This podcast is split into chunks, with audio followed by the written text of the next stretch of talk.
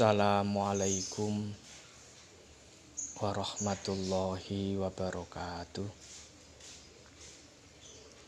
Alhamdulillahi rabbil alamin. Wassalatu wassalamu ala ashrafil anbiya'i wal mursalin. Sayyidina wa maulana Muhammadin wa ala alihi wa ashabihi ajma'in. Rabbi syarah li sadri wa yassir li amri wahlul 'uqdatam min lisani yafqahu qawli amma ba'du. Teman-teman yang saya banggakan pada kesempatan kali ini saya akan membahas terkait dengan konsep ketuhanan di dalam Islam. Bicara terkait dengan konsep ketuhanan di dalam ajaran agama Islam, maka hakikatnya kita tidak mungkin meninggalkan terkait dengan keimanan, terkait dengan akidah, bahwa keimanan dan akidah kita itu harus tercermin dalam perilaku kita sehari-hari yang kemudian disebut dengan amal soleh. Para ulama sepakat bahwa di dalam menetapkan akidah kita paling tidak ada tiga dalil keimanan akidah kita itu bisa lebih mantap. Yang pertama dalil akli. Di mana dalil akli ini adalah dalil yang di dalam keputusannya dipandang harus logis, harus masuk akal sesuai dengan perasaan dan tentunya menimbulkan adanya keyakinan dan memastikan iman yang dimaksudkan dengan menggunakan akal manusia terkait dengan perenungan dirinya sendiri dan alam. Sehingga kita dapat melihat bahwa di balik semua itu terdapat bukti adanya Tuhan pencipta yang satu yaitu Allah Subhanahu wa taala. Yang nomor dua menggunakan pendekatan dalil nakli di mana kita harus meyakini dan menetapkan akidah kita bahwa dalil nakli yang kita pakai harus mempunyai sifat kebenaran yang hakiki. Kebenaran yang mana kebenaran itu datang dari Rasulullah Shallallahu Alaihi Wasallam sekaligus kebenaran yang datang dari kitabullah Al-Quranul Karim. Maka pendekatan dalil negeri ini adalah pendekatan keyakinan, keimanan, kepercayaan kita terhadap kebenaran ajaran agama Islam sekaligus kebenaran Al-Quran dan hadis. Yang nomor tiga adalah dalil fitrah, hakikat yang mendasari kejadian manusia. Kita tahu bahwa kita diciptakan oleh Allah Subhanahu wa taala dalam kondisi suci, dalam kondisi fitrah karena kita diciptakan oleh Allah dengan kondisi suci dalam kondisi fitrah maka kefitrohan, kesucian kita itu harus kita pelihara dalam kehidupan sehari-hari di dunia ini. Karena kefitrohan kita ketika kita dihadapkan kepada Allah Subhanahu wa taala. Kita sudah berjanji bahwa hanya Allah lah Tuhan kita semuanya.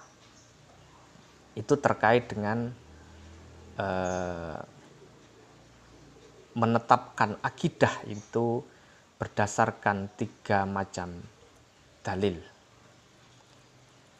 Yang selanjutnya kita akan membahas terkait dengan ketauhidan. Tauhid ini adalah intisari daripada ajaran agama Islam. Esensi peradaban Islam dan esensi tersebut adalah pengesaan Tuhan, pengesaan Allah Subhanahu wa taala. Oleh karena itu di dalam ilmu tauhid ya, itu ada beberapa tahapan sekaligus cerminan paling tidak ada empat tingkatan atau tahapan tauhid. Yang pertama adalah tauhid rububiyah. Di mana tauhid rububiyah ini adalah tauhid di mana kita harus meyakini di dalam hati maupun dalam perbuatan bahwa Allah Subhanahu wa taala adalah Tuhan pencipta semua makhluk. Pencipta semua alam semesta. Sekaligus Allah juga yang akan memelihara makhluknya dan memberikan hidup serta mening, mengendalikan segala urusannya. Dialah yang memberikan manfaat, yang menganugerahkan kemuliaan sekaligus memberikan kehinaan kepada manusia. Kita yakin bahwa kehidupan yang kita jalani ini hakikatnya adalah dalam rangka melaksanakan apa yang sudah digariskan oleh Allah Subhanahu wa taala. Karena Allah lah yang menciptakan semua makhluk dan alam semesta ini. Oleh karena itu dalam Quran surat Al-Baqarah ayat 21 sampai 22 Allah berfirman A'udzu billahi minasyaitonir rajim Ya ayyuhan nasu ubudu rabbakumul ladzi خلقكم والذين من قبلكم لعلكم تتقون. الذي جعلكم الأرض فراشا والسماء بناء وأنزل من السماء ماء فأخرج به من الثمرات رزقا لكم.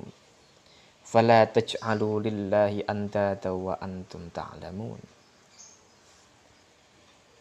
Hai manusia, sembahlah Tuhanmu yang telah menciptakan kamu dan orang-orang sebelum kamu agar kamu bertakwa. Artinya apa? kita diperintahkan oleh Allah sebagai zat yang menciptakan kita. Dalam rangka apa menyembah Allah itu? Dalam rangka agar supaya kita itu mau bertakwa. Kehidupan kita tidak boleh keluar dari rel yang sudah ditetapkan oleh Allah. Karena dialah Allah lah yang menjadikan bumi sebagai hamparan bagimu dan langit sebagai atap dan dia menurunkan air hujan dari langit. Lalu dia menghasilkan dengan hujan itu segala buah-buahan sebagai rizki untukmu. Karena itu janganlah kamu mengadakan sekutu-sekutu bagi Allah padahal kamu mengetahui. Oleh karena itu Allah adalah zat yang menciptakan seluruh alam ini. Maka kita harus meyakini dengan tauhid rububiyah ini bahwa kita ini adalah makhluk yang sangat lemah sekali. Yang nomor dua adalah tauhid mulkiyah. Ya. Tauhid mulkiyah ini kita bisa mengartikan bahwa keyakinan bahwa Allah Subhanahu wa taala adalah satu-satunya Tuhan yang memiliki dan menguasai seluruh makhluk dan alam semesta. Keyakinan tauhid mulkiyah ini ada di dalam Al-Qur'an. Maliki yaumiddin. Allah ini adalah yang menguasai hari pembalasan. Dalam Quran surat Al-Fatihah ayat 4 itu. Ada juga di dalam Quran surat Al-Maidah ayat 120. Billahi mulkus samawati wal ard wa ma fihin wa huwa ala kulli syai'in qadir. Kepunyaan Allah lah kerajaan langit dan bumi dan apa yang ada di dalamnya dan dia maha kuasa atas segala sesuatu. Di dalam tauhid mulkiyah ini kita tidak boleh sombong kita tidak boleh pamer. Karena apa yang kita nikmati, apa yang kita rasakan, apa yang kita miliki, hakikatnya adalah milik Allah Subhanahu wa taala. Itu namanya tauhid mulkiyah. Kita hanya dititipkan oleh Allah dengan apa yang kita beri. Tetapi hakikatnya adalah kepemilikan tunggal dari Allah Subhanahu wa taala. Oleh karena itu tauhid mulkiyah itu menyebabkan kita tidak sombong, menyebabkan kita tidak angkuh karena hakikat kepemilikan itu adalah Allah Subhanahu wa taala. Yang nomor tiga adalah tauhid uluhiyah. Apa maksudnya tauhid uluhiyah ini? Tauhid di mana kita ini harus punya keyakinan bahwa Allah Subhanahu wa taala adalah satu-satunya Tuhan yang patut dijadikan, yang harus dipatuhi, ditaati, diagungkan dan dimuliakan. Maka ibadah kepada Allah Subhanahu wa taala hakikatnya adalah penghambaan kita. Bagaimana kemudian kita meyakini bahwa kita ini harus patuh dan taat kepada Allah. Maka di dalam Al-Quran disebutkan innani anallahu la ilaha illa ana fa'budni wa aqimis sholata li dzikri. Sesungguhnya aku ini adalah Allah. Tidak ada Tuhan selain aku, maka sembahlah aku dan dirikanlah sholat untuk mengingatku. Maka setiap kali kita mengawali sholat, kita baca doa iftitah. Inna solati wa nusuki wa mahyaya wa mamati lillahi rabbil alamin. Sesungguhnya solatku, ibadahku, hidupku, matiku itu hanya karena Allah Subhanahu wa taala. Yang nomor empat adalah tauhid ubudiyah. Di mana tauhid ubudiyah ini memberikan keyakinan kepada kita bahwa Tuhan yang patut disembah, tak patut ditaati, dipuja dan diagungkan. Tiada sesembahan yang berhak dipuja. Manusia melainkan Allah Subhanahu wa taala. Iya karena butuh iya karena stain hanya kepada engkaulah kami beribadah dan hanya kepada engkau kami mohon pertolongan. Maka terkait dengan konsep ketuhanan ini muncullah melahirkan ilmu. Ada namanya ilmu tauhid ada ilmu kalam dan ada namanya ilmu usuluddin. Artinya apa? Di dalam uh, ketauhidan itu kita harus meyakini bahwa Allah lah yang harus kita sembah dan Allah lah yang nanti akan menguasai merajai ini sekaligus Allah lah yang patut kita mintai pertolongan baik di dalam kehidupan di dunia maupun kehidupan di akhirat. Yang selanjutnya kita juga harus mempraktekkan keimanan kita, ketakwaan kita dalam kehidupan sehari-hari. Karena keimanan kita itu tidak ada artinya bila hanya dalam sebuah konsep, tetapi harus diwujudkan dalam implementasi kehidupan sehari-hari yang kemudian disebut dengan amal soleh. Maka keimanan itu adalah tasdiqum bil kolbi, keyakinan kita di dalam hati. Wa ikrarum bil lisan, kita harus mampu ikrar di dalam lisan kita, di dalam ucapan kita. Wa amalum bil arkan. Keimanan tidak ada artinya bila tidak ada implementasi dalam kehidupan sehari-hari. Maka keimanan itu akan tercermin di dalam kehidupan kita sehari-hari. Bagaimana tanda-tanda orang yang beriman? Di dalam Al-Quran disebutkan ada beberapa tanda orang yang beriman.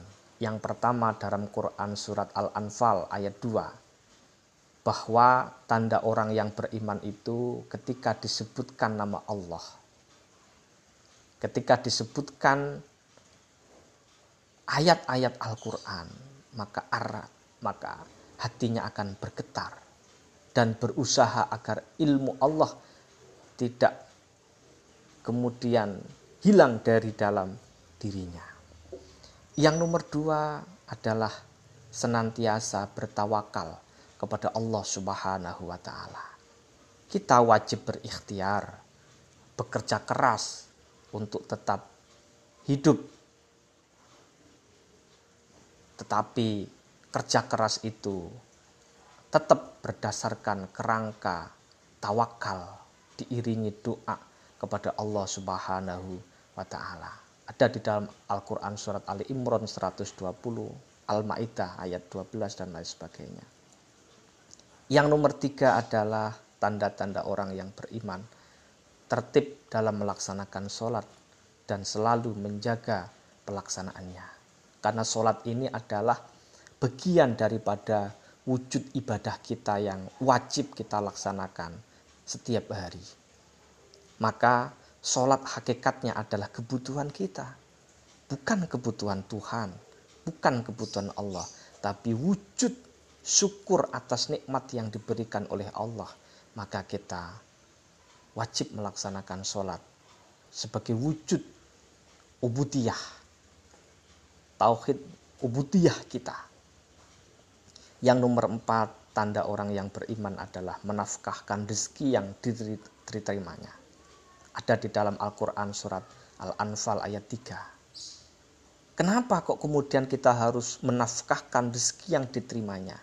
Kita harus meyakini bahwa rezeki yang kita dapatkan hakikatnya adalah milik Allah dan Allah menganjurkan kepada kita untuk memberi kepada orang-orang yang kurang mampu dalam rangka pemerataan ekonomi agar tidak terjadi ketimpangan antara yang kaya dengan yang miskin.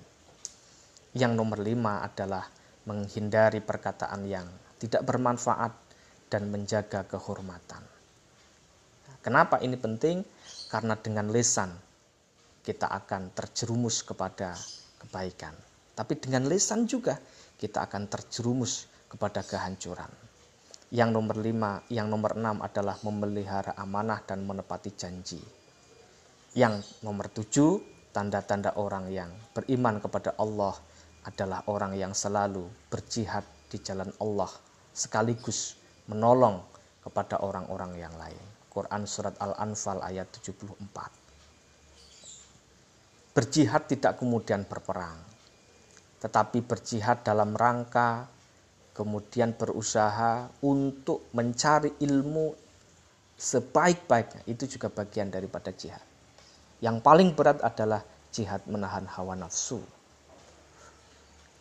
Oleh karena itu, implementasi daripada orang-orang yang beriman itu kita bisa lihat dalam kehidupan sehari-hari. Semakin orang yang orang itu beriman, maka semakin orang itu melaksanakan amal-amal soleh. Semoga konsep ketuhanan di dalam Islam ini bisa memberikan manfaat bagi kita semuanya. Terima kasih. Wassalamualaikum warahmatullahi wabarakatuh.